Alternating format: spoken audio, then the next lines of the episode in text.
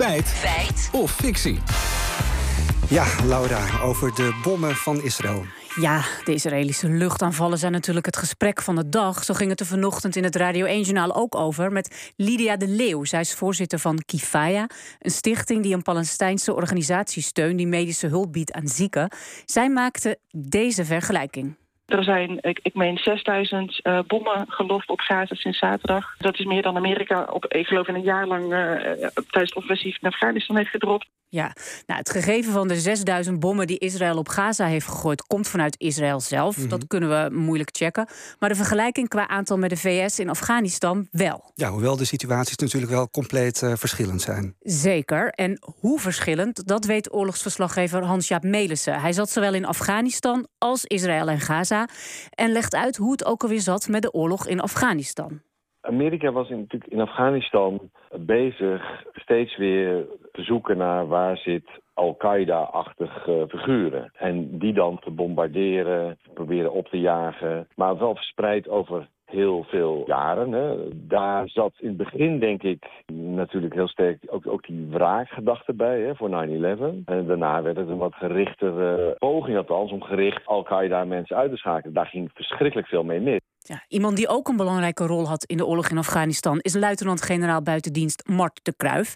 Hij was destijds de hoogste baas van de ISAF-troepen in Afghanistan en moest hele belangrijke beslissingen nemen. De beslissing die wij moesten nemen is als iemand een doel wilde uitschakelen van de Taliban, dan moesten we allereerst 48 uur onafgebroken, we noemen dat eyes on target hebben, dus inzicht hebben in het doel om zeker te weten dat we geen burgers zouden treffen. En als tweede, als daar bommen zouden tegen worden ingezet, was ik degene die daar toestemming voor moest geven. Of als het een belangrijk doel was, zelfs toestemming moest vragen aan de commandant van ISAF. Ja, en, en weet hij ook om wat voor soort bommen het nu gaat? Ja, het gaat vooral om heel doelgerichte bommen bommen van vliegtuigen. Maar je hebt ook artilleriegranaten, dus granaten uit kanonnen die ook eindgeleiding hebben. En ook precies op een tiencijferig coördinaat neerkomen. Dus dit is een nauwkeurigheid van een meter ongeveer. Ja, dat is inderdaad wel heel precies. De, hebben de inwoners van Gaza dan ook kans om daaraan te ontkomen? Ja, Hans-Jaap Melissen zegt dat het een heel dicht gevolgd, uh, bevolkt gebied is, hè, zoals we ja. vaak horen.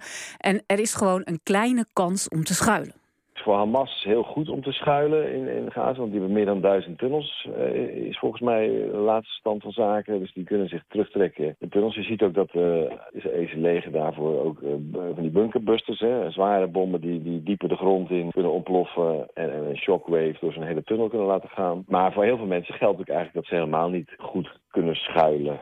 Voor gewone mensen is het eigenlijk juist een gebrek aan kelders. Ja, het is natuurlijk allemaal afschuwelijk. De Israëlische bombardementen op de Gazastrook hebben al aan meer dan 1500 mensen het leven gekost. Ja, terug naar die cijfers dan over de bommen. We weten dus dat Israël heeft gezegd 6000 bommen te hebben gegooid op Gaza. Is dat meer of minder dan de VS in één jaar tijd Afghanistan? Mart de Kruif zegt daarover dit. Het hangt een beetje af van het jaar waarin je rekent. In 2019 bijvoorbeeld werden er waarschijnlijk meer dan 7400 bommen gegooid. Maar dat komt omdat toen alle grote troepenmachten uit het westen weg waren... er veel militaire adviseurs, vooral Amerikanen, het Afghaanse leger moesten helpen. En als die gingen vechten, dan was eigenlijk het enige wapen wat ze hadden om geholpen te kunnen worden... was het luchtwapen. Dus was bommen. Dus toen werden er dus relatief veel gebruikt in 2019. Ja, en ook in 2018 werden in een jaar meer bommen gegooid dan door Israël nu. Nou, in alle andere jaren klopt het wel.